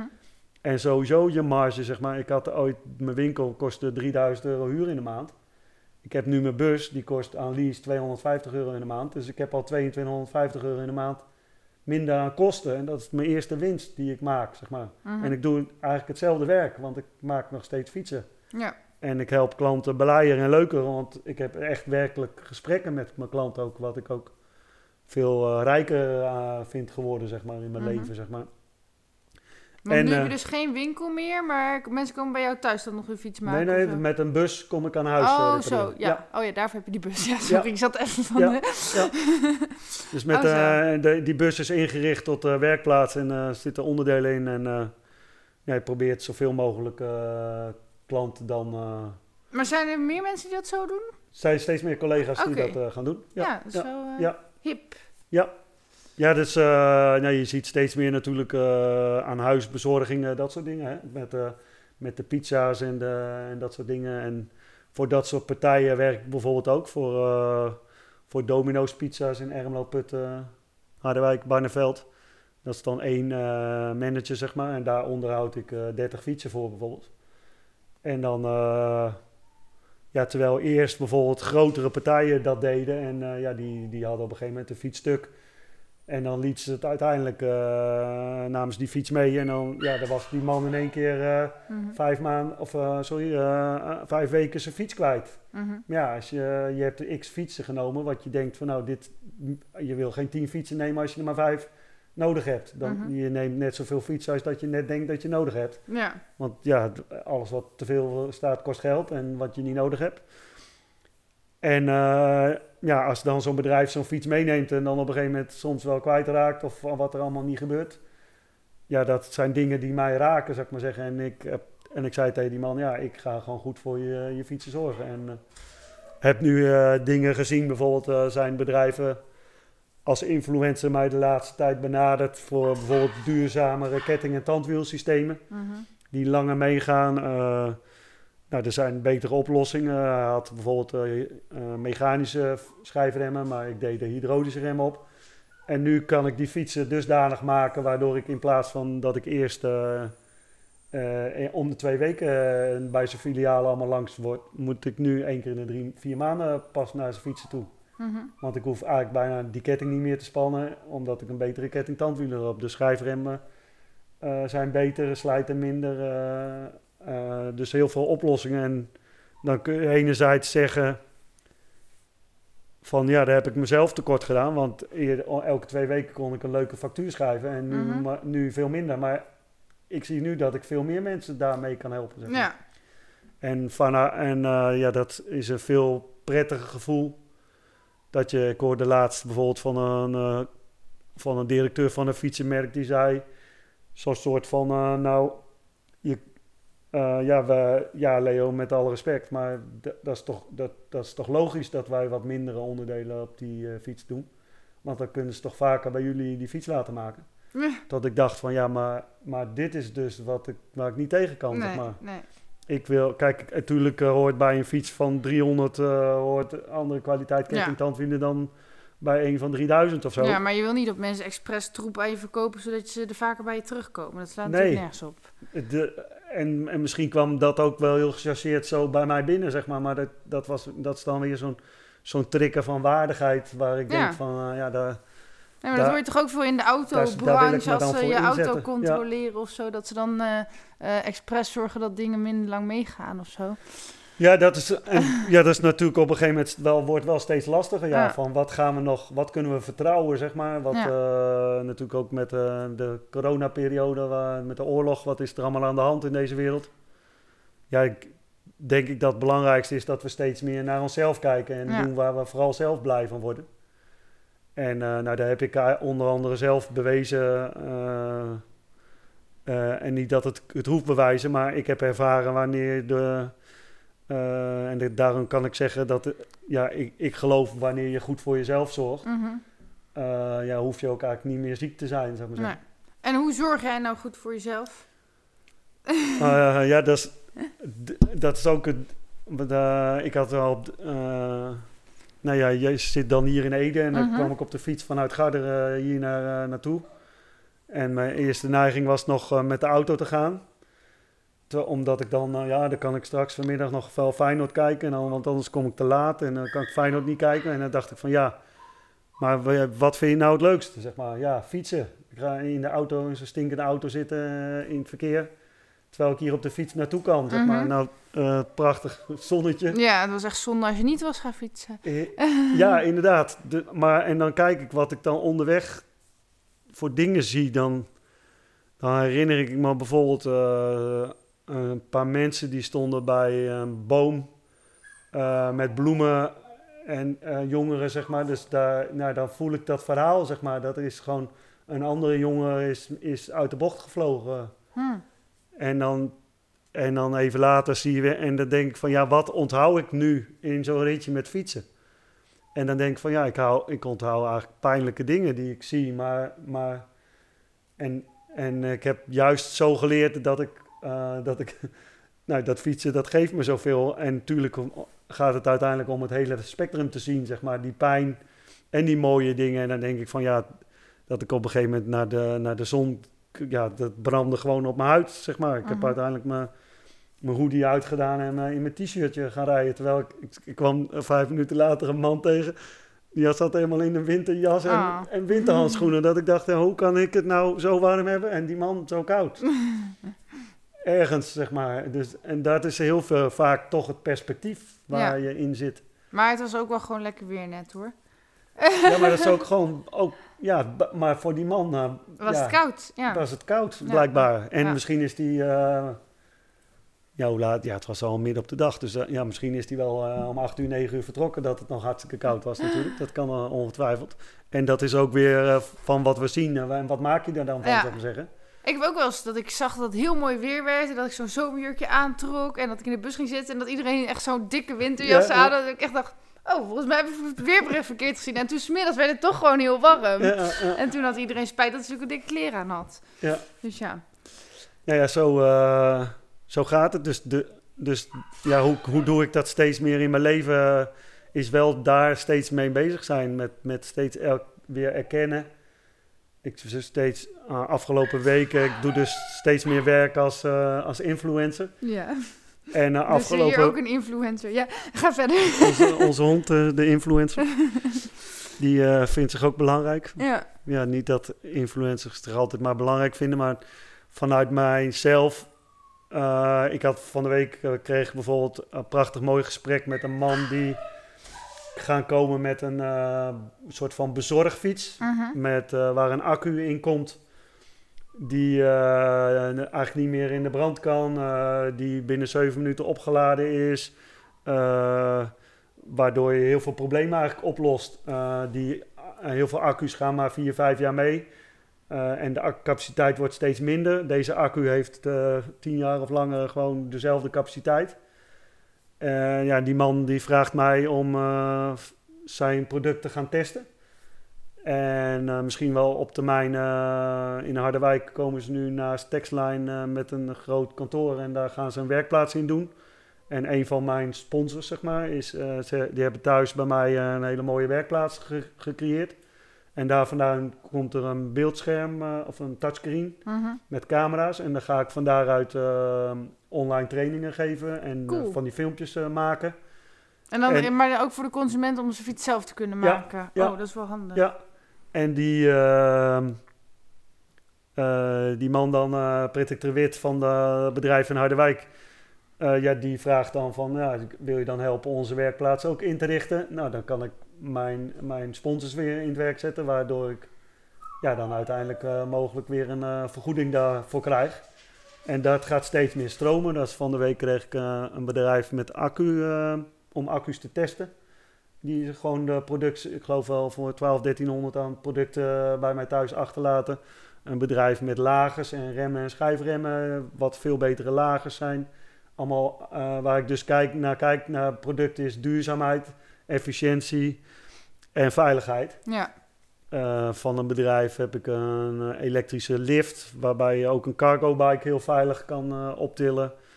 Naar mijn werkplaats doen van Boxo, zeg maar. Dat is echt een ja, kwaliteitsgereedschap met, met levenslange garantie. nou, sowieso al super cool om daar mee, mee te werken, zeg maar. En dan straks ook uh, ja, ik krijg zelfs uh, ding, met een, uh, op mijn bril een cameraatje. En dan kan ik dus mee laten kijken met wat ik doe. Mm. Oh, en dat, is wel cool. dan nu, ja. ja, ik zat ook van, ja, zo, hoe ga ik dat nou allemaal doen? Maar die, die, ja, dan, dan, heb je, dan, dan zie je steeds weer wanneer je met een specialist praat, zeg maar. Ja. Dat die enorme kwaliteiten heeft, zeg maar. Dus al die fietsenmakers hebben dat ook. Maar gezamenlijk kunnen we uiteindelijk hopelijk steeds meer die, ja, zeg maar die die fietser helpen. Die ik eigenlijk zelf ook ben. Want uiteindelijk is het dat uh, mijn kernding, zeg maar. Dus de enorme vrijheid die ik ook net weer op de fiets ervaren heb. En zo meteen ook weer mag ervaren op de fiets naar huis. Ik zat zo, zo te bedenken van... ik zag er bij een... ik zie weer een beeld voorbij komen... Mm -hmm. wat ik in, op de heenweg hier naartoe... Mm -hmm. zag ik bij een bushokje... zag ik twee, drie fietsen zo plat op de grond liggen. En ik merk, ik merk steeds vaker wanneer iets mij ontroert of raakt, zeg maar. Nou, het doet me, dat doet me nu weer en op dat moment ook. Mm Het lijkt, bij mij zit een emotie op een fiets, zeg maar. Dat, dat mensen... Dus ik dacht eerder altijd van, uh, ja, je kunt gevoelens hebben voor, ja, voor mensen, zeg mm -hmm. maar. Uh, maar je hebt, dus, je hebt ook gevoelens voor producten. Ja.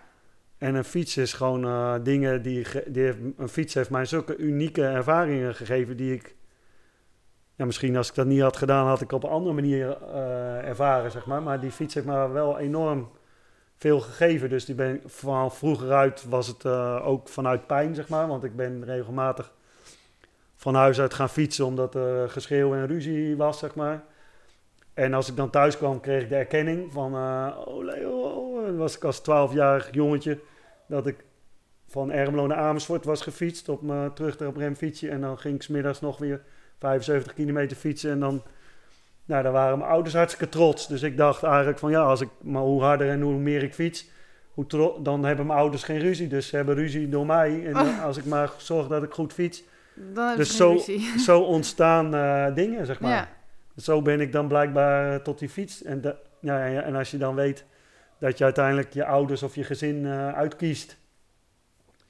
Uh, om die dingen te leren die je mag leren, zou ik mm -hmm. maar zeggen ja, dan, uh, dan heb ik wel het goede gezin getroffen, zou ik maar zeggen. En, en genomen. En ja, ik kan ook nog steeds dagelijks dingen daarin leren, zeg mm -hmm. maar. In, in hoe me... Nou, spannend. mijn vader is natuurlijk al heel lang overleden. En, en de, ik zag ook dat ik heel lang voor ons gezin aan het zorgen was. Of, of voor mijn moeder, want mijn zus, één zus woont in Limburg. De andere in Friesland en de andere in, in midden van het land.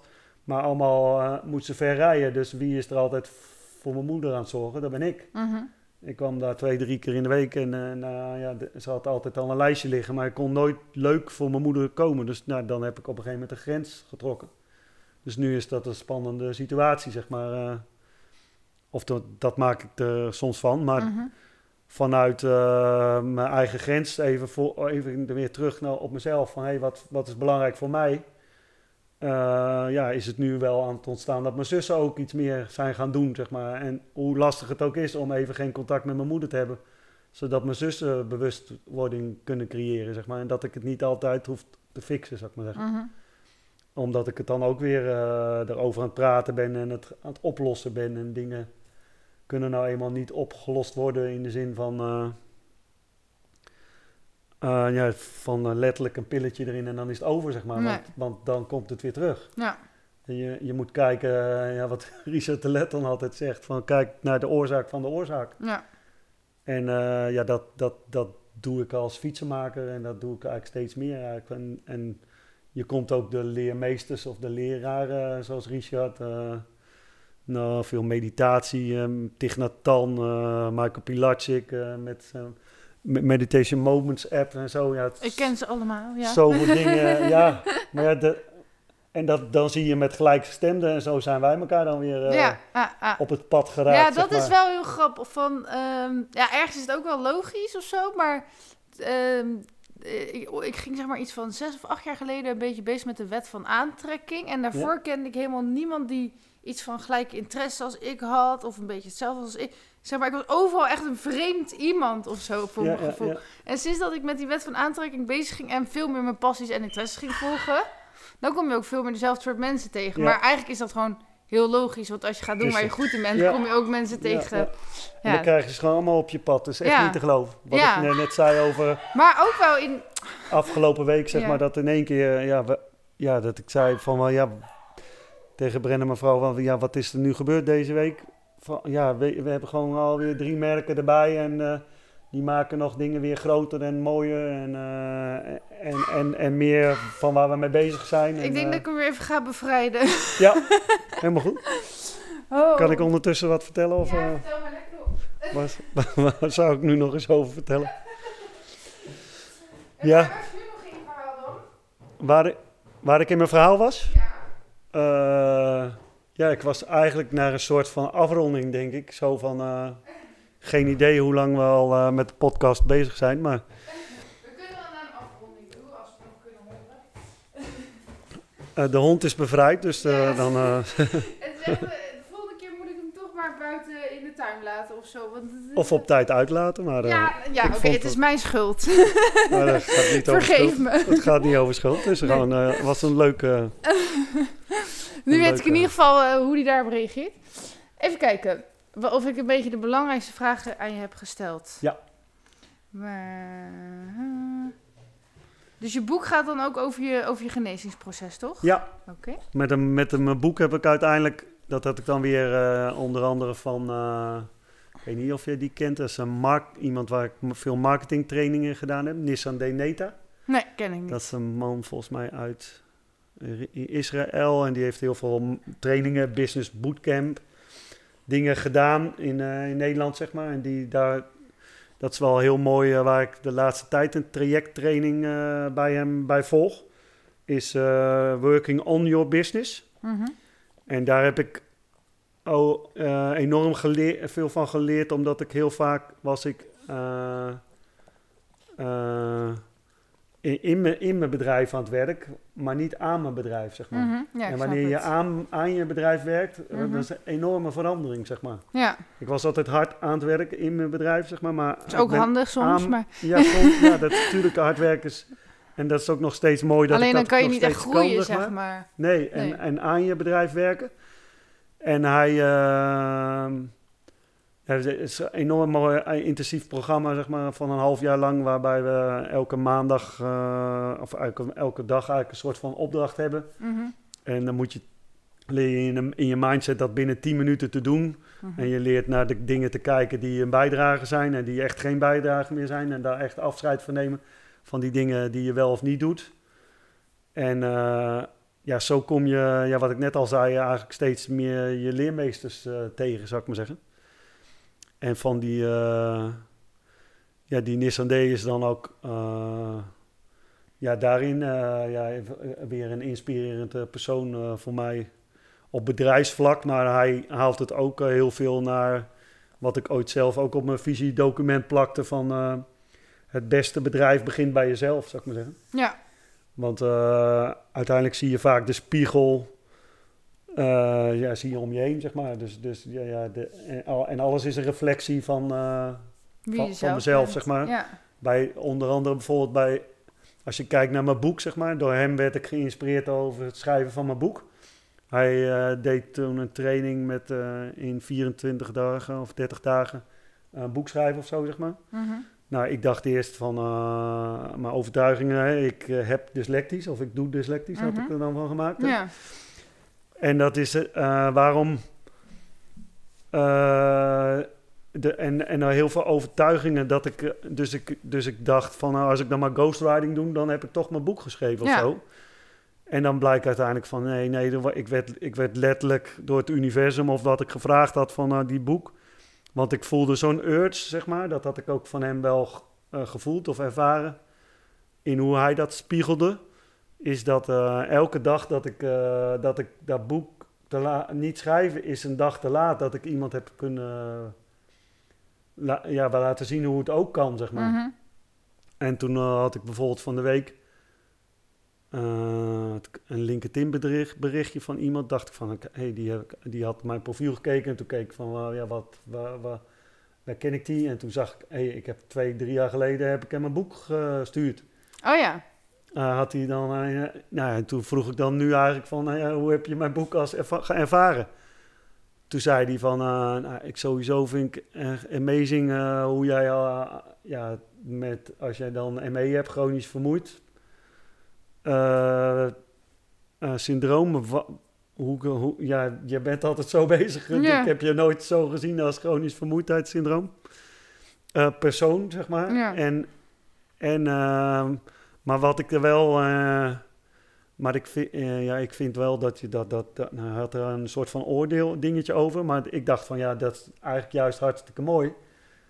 Want dat is precies wat ik, wat ik wilde. Is ja, dat hij ging zien ja. van dat je dus eigenlijk altijd wel wat... eh, als je daar dingen kan kijken of naar luisteren, eigenlijk altijd weer verder komt, zeg maar. Ja. Dat is elke keer, elke keer weer wat ik, wat ik doe, zeg maar. eh, Ja, eh, dus zelfs als je ziek bent, kom je verder en ja, kan en- je en alsnog niet een erin- bijdrage zijn. En niet erin blijven hangen, zeg maar. ja. Lastige vind ik wel dat ik, omdat ik veel dingen zie in, in en waar, waar je vaak ook wel in conflict kan komen met mensen over eh, dat als je zegt, ja, dat kanker is natuurlijk wel een van de grootste ja. welvaartziekten. Ja, dat dat, eh, ja, dat als je dan zegt van ja, dat kan door een mindset veranderen, eh, eh, ja, stoppen. Mhm. En terwijl we er op andere manieren enorm veel geld voor aan het binnenhalen zijn. Dat ik denk van ja, dat kan ook ergens anders heen. Maar, maar, dan, maar, maar dat haalt niet weg dat de mensen heel veel pijn, eh, pijn ervaren. Die, ja, jij voelt ook de pijn, hè, hondje? Eh, van, van, eh, van kanker. En dat, dat wil ik er niet mee wegnemen. Maar vaak wil je, is dat lastig. Want eh, eh, wanneer je iemand in pijn zit en je, en je reageert daarover van... Nou ja, dan, dan missen we vaak eerst de verbinding, zeg maar. Mhm. Dus, dus ik probeer steeds, dat is een enorme les om. En dat is dan een van de dingen van mijn kernwaarden, zeg maar. Heb, je hebt altijd een, een eh ascendante, zeg maar, hè? Mhm. een neiging. eh, ja, ja, ja, dus een, een kwaliteit en een valkuil. ja, een valkuil, Ja. zeg maar. Dus mijn, mijn va- valkuil is dan eh, onderdanig zijn, zeg maar. En dat was mijn moeder, of tenminste zo heb ik mijn moeder ervaren, Mhm. eh, plaatje. Die deed altijd alles voor... nou, zo, oké, nou dan gaan we dat zo wel doen voor je en zo. Mhm. En mijn, mijn vader was meer eh, eh, eh, hoe- arrogant, zeg maar. En dat ze ook, nou, en, en die twee tegenover elkaar, zeg maar. En, en dan heb ik mijn kernwaarden. En dan is mijn uitdaging dan nederig zijn. Maar nederig zit heel dicht bij onderdanig, zeg maar. Ja. Maar nederig is dan dankbaarheid en buigen voor, ja, voor alles eh, Mhm. ja, wat er is eigenlijk. Ik wou zeggen wat groter is, maar dat, dan eh, geef je er alweer een... eh, En na maar dat het hoger is, ja. ja, en, en dat is, klopt alweer niet, zeg maar. Want Nee. dan, dan, is, dan is die, eh, die meesters die, waar ik dingen van geleerd heb, die zijn groter dan mij. Maar dat, dat zorgt heel vaak dat ik nooit met hun in gesprek kan komen of durfde te komen. Of, en dat ik nu steeds meer juist met hele, eh, steeds mensen die ik dus hoog had staan. En onder andere bij mijn boekpresentatie. Ik was dus ondertussen al bij, omdat ik dan wilde ervaren zo, bij meerdere mensen geweest die een boekpresentatie gaven. En dan was er eh, vij- 40, 50 man. En maar bij mijn boekpresentatie was 150 man. Dat mensen zeiden, ja, hoe kan dat nou? 150 man, hoe heb je 150 man Leeuwenstein de fietsenmaker of oplezers? Dan uit heel Nederland komen mensen voor jouw boekpresentatie. En jij denkt zelf dat je dan... eh, Niet En zo dat goed is- kan schrijven. Nee, dus en dat die andere mensen boven je staan. ja, zo dat. Ja. En, de, en heel veel van die mensen waren ook daar aanwezig, zeg maar. En dat ik dacht van, eh, Ja, want hoe kom je dan eigenlijk aan die mensen? Dat is wel goeie. ja, het is, dat is steeds weer, een, ik ben een heel nieuwsgierig persoon, elke keer weer onderzoeken. En, en ook wel vanuit patronen, zeg maar. Van, eh, op een gegeven moment ging ik heel veel trainingen doen om dan weer leuk eerst moest ik heel veel fietsen, om leuk en aardig gevonden te worden. Dat zit heel erg erin, zeg maar. En dat kwam vanuit dus dat patroon dat ik dacht dat ik dom was. Ja.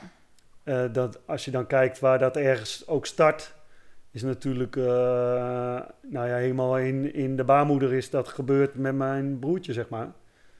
Ja, dat ik heel, daar heeft heel veel schaamte en eh, schuld gezeten, zeg maar. En dan word ik opgevoed nog met drie zussen en ik zag dat altijd als vier moeders, zeg maar. Mhm. Maar mijn zussen zei altijd, snottaap, verwend jong, hou jij je mond maar. Want ik, ik heb ook nooit geen nee van mijn ouders gekregen. Mhm. Dus als, als in mijn leven eh, iemand nee zei in een relatie of in een zakenrelatie of in een liefdesrelatie, nee, ja, dan, dan was ik shocked. Mhm. Want ik kende dat niet. Nee. Ik gewoon nooit, dat raakt me zo ook meteen als ik het zeg. Mhm. Ik had nooit zei nee, want mijn ouders zeiden altijd ja. En dat is dan enerzijds heel mooi, maar ja, maar dan, dan kan je niet met teleurstelling omgaan. nee. En dus al- altijd als er wat was, dan zat ik daar helemaal in. En, en dan eh, ging er wel wat. Nou, daar ging ik dus eigenlijk steeds meer boeken over lezen en mensen over ontmoeten. En daar ben ik steeds meer voor open gaan staan. En eigenlijk, eh, onder andere, resultaat van dat boek is ook dat ik, eh, dat ik zelf ook een leermeester ben, zeg maar. En dat ik zelf ook een leider ben, wat ik heel vaak gezien heb of zag, zeg maar, in beelden. Dat ik een soort van leider, maar daar wilde ik mezelf nooit eh, nee- neerzetten. Want eh, ja, wie ben ik nou, zou ik maar zeggen. En, en ik heet, ik heet, Le- Le- ik heet, ik heet Leo. Ja. En mijn vader heette Leo. Dus ik, Ja. voor mijn familie en, en, eh, en mensen was ik dan altijd Leootje. Ja. Dus, dus, en, en mijn zussen zeiden verwend jong snottaap. Nou, later blijkt dat ik hoogbegaafd, hoogsensitief ben. Dus op school wa- was ik ook al heel vaak dat ik antwoord wist. En dan was het op een gegeven moment ook snottaap, hou jij je mond maar. Dus op een gegeven moment dacht ik van ja, ik mag, ik mag het niet weten. En dat zie je ook aan de opvoeding eh, en, en hoe het hele systeem in elkaar zit. Dat je eigenlijk, eigenlijk eh, je wordt constant een soort van getest om te laten zien dat je een mislukkeling bent. Ja. Daarom heb je multiple choice vragen of zo. Dan Mhm. vraag gewoon werkelijk het antwoord. Daar hebben we tegenwoordig moeite mee. Nee, je krijgt multiple choice vragen. Dat je moet gaan twijfelen tussen twee wat nou de juiste is, zou ik maar zeggen. Nou, het is wel iets makkelijker toets maken, vind ik zelf, als je, als je keuzes hebt. Ja, het maken ervan, maar, of, maar, de, maar wat, wat draagt het bij aan, eh, aan wat we Onthouden. onthouden en wat we uiteindelijk eh, moeten leren in dingen van eh, ja, het omgaan met, eh, ja, wat is er, eh, weet ik niet, spiritualiteit, met, eh, Mhm. met, met ademhaling, zeg maar. Onder andere veel dingen ook geleerd van Wim Hof, zeg maar, de Iceman. Heb je die ook eh, Ja. in het echt gezien ook? Ja, ja, die woont vlak eh, in Stroe. Hij woont hier eh, halverwege. Ik ben er bijna langs gefietst. Oh, maar. leuk. En ik heb ook wel eens eh, zijn fietsen gemaakt, zeg maar. Dus eh, eh, in die zin. En eh, ik heb hem onder andere ook mijn boek geschreven. Hij zou eigenlijk ook op mijn boekpresentatie eerst aanwezig zijn. Omdat hij, ja, ik beschrijf ook dingen natuurlijk in mijn boek over, eh, over hem. Ja. Uh, in ook eh, ja, wat hij eh, laat zien, zeg maar. Dat, eh, ja, in waar, waar je ademhaling zit. Of, of, of eh, nou ja, dat wij eh, dingen ook met Koen de Jong eh, bijvoorbeeld. Met het boekje eh, eh, IJskoud eh, kunstje, geloof ik. En verademing. In waar eh, ja, dat Koen de Jong uiteindelijk bijvoorbeeld zegt van... Hey, ja, je kunt mijn hele, mijn hele boek wel lezen, maar het gaat eigenlijk over ademlange uit. Ja. En, en dat is wat we veel al niet doen, zeg maar. We gaan, eh, als, we, als het exciting is, dan gaan we hoog ademen. Mhm. Dat is nu een beeld wat jullie niet zien, maar ik doe met mijn armen, met mijn hand heel, heel benauwd gevoel, zeg maar. ik, ik hou heel vaak mijn adem in. Gewoon vast of zo. Ja, dat, je, ja, dat is eigenlijk een soort van, eh, ja, als ik het verklaar, Ja. waarom zou je het doen? Maar eh, dat soort bevriezen, zeg maar. Je zet Ja. het letterlijk, vaak zul je dat ook wel eh, voelen. Ik heb in, eh, bijvoorbeeld een jaar in een, in een training gezeten, dat heette de Intens in, op Van Woude. Mhm. En daar, daar, heb ik, daar ben ik soort van lijfelijk failliet gegaan toen ik ja, vanuit die uh, vermoeidheidsziekte, daar heb ik op een gegeven moment in Semantic Experience dingen en zo, trainingen, dingen gedaan. En dat je dat ik gewoon dagen heb liggen trillen en, en, en shaken, zeg maar. En dat ik eerst daar, nou, dat mijn adem vast wilde houden, maar dat, dat maakt het bijna een soort van op een bepaalde manier erger, maar in de zin van pijnlijker. Mm Totdat ik daar leerde van, hé, hey, ik mag erin ademen en erin ontspannen. En toen ging mijn lijf eigenlijk nog meer trillen. En ik, ik, mijn lijf mocht eigenlijk nooit trillen, maar ik was één bonk stijfheid, zeg maar. Omdat ik altijd alles opsloeg. Totdat ik zag van, hé, hey, ik zet het steeds vast. En ik mag er naartoe ademen en erin ademen en erbij blijven. Nou, dat heb ik dan in, ja, in coachsessies en allemaal dat soort dingen mogen zien en ervaren. En was ook nog wel uh, ja, vanuit de opleiding met Richard de Let dat ik dacht van ik moet gaan coachen en dat soort dingen. Mhm. En dat komt ook wel een beetje op mijn pad, steeds meer ook wel. Maar dan uh, uit uh, dat er een, onlangs was er een fietsenmaker of iemand die wilde een fietsenzaak beginnen. Maar die is meer de salesman. Dus hij zegt van ja, ik zoek eigenlijk iemand die mijn fietsen maakt. Ik zeg nou, ik kan je wel helpen met het opstarten. Ik heb zoveel dingen geleerd. Dus die man die coach ik nu, zeg maar. Ja vanuit, uh, ja, en die is uh, ja, enorm blij, zeg maar. En dan zou ik eerder bijvoorbeeld uh, ja, 25, 50 euro per uur, wat zou ik vragen? En ik heb nu gewoon 125 euro per uur gevraagd. En die man zei, ja, dat is wel veel geld, maar als ik zie wat jij in een uur al vertelt, waar ik allemaal aan heb, dan is dat al, ja. al 5000 euro waard, zeg maar. Dus dus ja, wat is eigenlijk 125 euro? Maar coach je hem dan alleen op dat fietsgebied of ook nog op gezondheid en al dat soort dingen? Ja, uiteindelijk is dat het verhaal, zeg maar, uh, wat, ik, wat ik al zei, zeg maar, wat er op mijn, uh, mijn, mijn visiedocument ook ja, dat je zelf je bedrijf dat bent. Dat ik zei, ja, je, je, bent zelf je bedrijf, zeg maar. Dus ik, ik kom steeds weer bij hem uit van, hé, hey, waar word jij blij van? En, want als ik het aan doen ben, dan moet ik straks dat bedrijf gaan runnen. Maar dat wil ik niet. Nee. ik, ik, hij moet dat bedrijf runnen, zeg maar. Dus ik probeer hem uh, dingen te laten zien van hey, wat, wat, zijn goede keuzes en waar word jij dan blij van om dat te gaan doen. Ja. Uh, ja, en dan gebeuren er dingen, zeg maar, dat hij ja, wil eigenlijk dat ik daar de hele week ga staan fietsen sleutelen, maar dat is niet wat ik wil. Nee. dus wat, wat dan wel, zeg maar, dus dan komt er iemand op pad die misschien uh, dat wil gaan doen, maar ja, die reageert nu alweer een week niet. Dus ja, wat moet er dan nu? En daar ja, ik, dan wil je heel graag het fixen, zeg maar, oplossen. Maar uh -huh. ja, ik probeer ook steeds meer bij te zijn. En denk van, ja, wat is dan de volgende mogelijkheid? Nou, dan moeten we misschien uh, sollicitatie ergens neerzetten van... hé, hey, fietsenmaker gezocht in Amersfoort. Ja. En uh, ja, wij hebben een fantastisch plan uh, waar dat mee, met een goede fietsenmaker... Ja, die fietsenmaker gaat heel veel geld verdienen en, en die gaat leuke dingen doen, zeg maar. Vanuit die ideeën die er allemaal zijn. Vanuit steeds meer Onder andere deed ik dat in een beurs die ik onlangs de World of E-Mobility. Dat was zeg maar een beurs waar uh, eigenlijk de fietsenbranche en de autobranche samenkomen. Omdat dat ja, de, op alle markten is dat uh, nu gaande. Dat we steeds meer samen mogen komen. Ja, er wordt nog van allerlei strijd geleverd. En we willen natuurlijk nog niet allemaal direct maar samen werken. Maar er zijn, ik denk dat, weet ik veel, als we nu 15 20% van de bevolking bewust aan het worden is of zo, of bewust is. En dat is dat ook een spiegel van de markt, zeg maar. Dus ja. ook een spiegel in de fietsenbranche. Ja. En dan kan ik denken van, ja, ik wil, ik wil uh, die hele fietsenmarkt mee met dit of dat. Maar dat kan niet, want als maar een bepaald... En dan wil ik niet iemand die daar niet bij hoort uh, lager neerzetten, zo, zeg maar. Maar de, het is nou eenmaal zo dat mensen meer ontwikkeld zijn met iets vanuit dat je iets hebt meegemaakt of, of uh, nou, ik geloof dan in meerdere levens, dus dat, dus, dus dat je dus al vaker hier geweest bent. En dat is grappig, hier staat geloof je in reïncarnatie? Ja, ja, ja. als het dat is dat het dat zo heet, dan zal het dat zijn, zou ik maar zeggen. Ja. Maar ik geloof dus in dat je, ja, ja, dat je steeds weer uh, in een verder, uh, ja, dat het, het leven...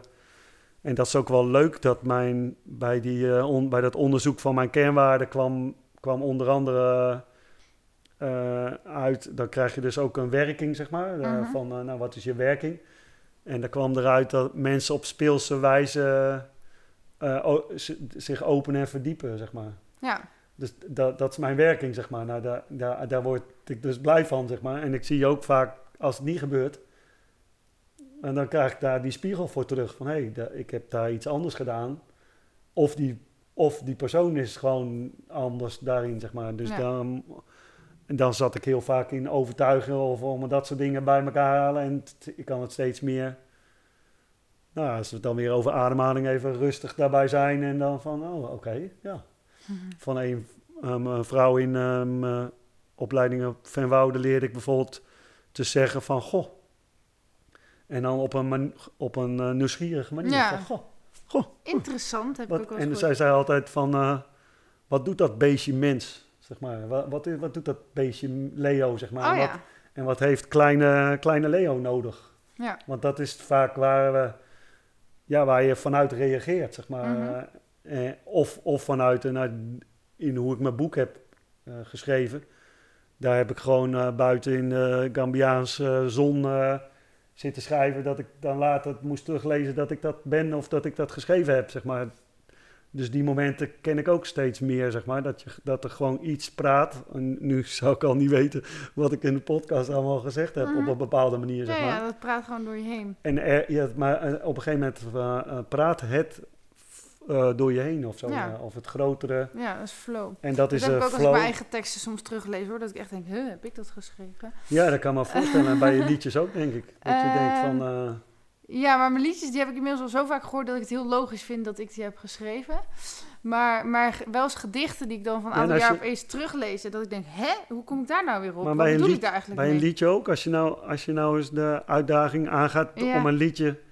wat al langer is... om daar voor de eerste keer naar te luisteren... als dat je... Ja. Dat je, ja, dat je dan, als je nog nooit naar geluisterd had. Ja. Dat jij dat niet hebt geschreven. ja. Dat is, dat, en dat vind Nee, ik steeds meer een uitdaging Ja. om eh, eh, nou, elkaar op die manier te ontmoeten, zeg maar. Ja. Mensen, maar, en mez- mezelf ook steeds meer daarvan. Goh, ja, waar- ja, waarom heb ik dat eigenlijk? Waarom doe ik dat eigenlijk zo, zo? Want anders blijf je maar in de waan van het ding. ja. En dan vergeet je eigenlijk de hele... Ja, het wonder. Het, het wonder van, da, van wat ik vaak... Ik volg, dat vind ik wel prachtig, die, eh, die programma's met singer-songwriters... of Mhm. met programma's met, eh, met beste zangers of zo, zeg maar. Dat dan, dan zingt in één keer iemand anders dat liedje. Ja, en dan, doet dat, dan gaat het liedje ook dan leven bij die het in één persoon. keer hè? bij die Ja. persoon. En, dan, en, dan, en die krijgt hem weer terug en die ziet een heel verhaal over dat nummer. Terwijl het uiteindelijk eh, ja, je eigen liedje was. je eigen liedje Ja. was. Gewoon. En, Ja, dat vind ik wel eh, mooi. Eh, Theo heeft een, de producer, zeg maar, die heeft aan het liedje Wachten best wel lang gewerkt. En hij zei ook van dat. Eh, ik had het ook niet wachten moeten noemen, had Nee. ik zei ik later. Maar hij zei wel dat het dus eh, heel veel met hem had gedaan of zo. De- dus Ja. dat, dat die boodschap helemaal voor hem Ja. ging leven. Ja. Dus dat is wel heel cool. Maar dat is, eh, dat is dat zie je ook toch omdat je een, eh, of dat hoor je en dat voel je, Mhm. dat als we steeds meer, ja, als je werkelijk naar een nummer luistert, zou ik maar zeggen. Ja, Soms, soms krijg je een liedje of, dan, of en ik zie ook steeds meer, soms zet ik eh, in één keer de radio aan en ik weet, nou, de- dan komt soms zo'n nummer in één keer binnen. ja dat er echt net zo'n boodschap in Dat was zit gewoon pre- precies wat ik op dat moment dan nodig had. Ja, En dat is ook van liedjes eh, die je schrijft of zo. Ik, ik had nog. eh, of dingen. Hoe dingen beleefd worden ook, zeg maar. Ik had. ehm, mijn partner Brenda, die doet. jaarlijks met een kerkdienst met. Met Downies. mhm. En dat was vorige week. ehm, was het. eh, was een, een tiende. Uiteindelijk eigenlijk de elfde, maar het tiende zou een feest moeten zijn, maar dat was corona. Dus uiteindelijk was dit wel de elfde, maar dat is, was dan met drie koren, met drie koren met Downies. Mhm. En dan gingen ze dan, eh, nou ja, de hele dienst eromheen met, het, met, eh, met een verhaal uit de Bijbel dan. En op zich ben ik ben natuurlijk katholiek opgevoed. En, en, maar ik, ja, tegenwoordig kijk ik steeds meer naar, ja, naar het goddelijke, het God in, in jou of in mij, zeg maar. Het, ja, het- Mhm. het, grotere, nou ook weer niet, dan kom ik weer met het grotere, maar ja. het grotere in ieder, ieder zichzelf of zo. Mhm. Dat we vaak het God ergens anders zoeken, maar, maar ja, misschien ben je zelf wel eh, God. Eh, en, of, en iets groots, zeg maar. maar en, dan, en dat zag ik onder andere bij, bij die Downies, Mhm. hoe goddelijk of hoe groot, oh, ja, hoe klein ze soms gemaakt worden of zichzelf klein maken. Mhm. Of, eh, Maar dat er dan op een gegeven moment, eh, er was een man eh, van een van die koren, zeg maar.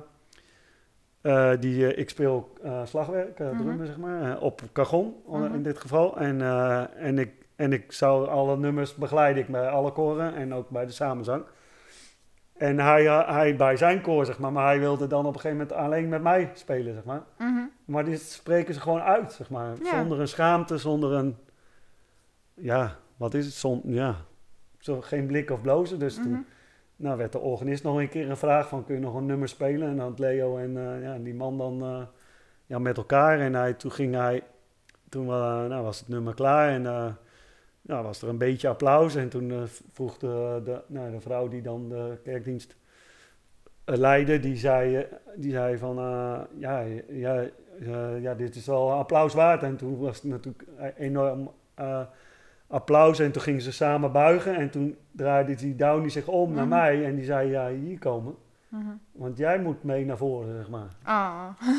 Dat ik dacht van, wauw, eh, van, eh, hij, het ging he- hem totaal niet om, eh, om, Om zijn eigen eer, zeg om maar. zijn eigen eer. Nee. Hij eerde mij elke keer weer, zeg Ja. maar. En dat kon ik bijna eerst niet binnenlaten, totdat ik, hij mij naar, naar, naar voren... en dat wij dus samen die buiging namen. En, ja, en ja, dat, ik, dat we ook nog de organist eigenlijk erbij namen. Zo van, ja, dit mochten we samen even doen, of zo, zeg maar. En ja, de mensen hebben het, waardeerden het, zou ik maar zeggen. Hey, we zijn, eh, ik wil niet midden in dit verhaal, want dit was een mooi verhaal namelijk. maar we zijn nu wel eh, al langer dan anderhalf uur aan het Zo. praten. Zo lang. Dus Oh, eh, oké. ik heb nu een allerlaatste vraag. Misschien Ja. een beetje een abrupt einde zo, maar Nou ja, bent een hele goede storyteller. Dus dan begint het ook weer een heel nieuw Ja, maar storytelverhaal. maar uiteindelijk zijn ze allemaal aan elkaar. ja, dat klopt, ook maar dan is het wel verbonden. lastig om af te ronden. Eh, dus de laatste vraag is, Ja. waar kunnen mensen je vinden eh, als ze meer over je willen weten of jou nodig hebben? Oké, eh, nou ja, als influencer natuurlijk eh, eigenlijk steeds meer op de, op de sociale platformen. Als, ben sinds kort eh, paar weken ook gaan, gaan TikTokken. En ik zit op Instagram en LinkedIn, op Facebook. Ik ben nu bezig met een YouTube-kanaal.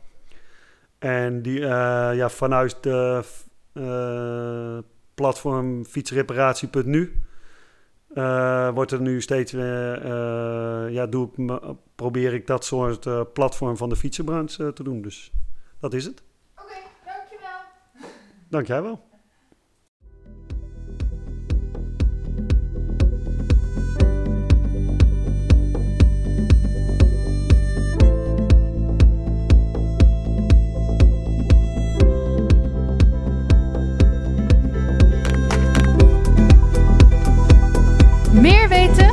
Ga naar belinda.nl of volg mij op Facebook en Instagram. Doei!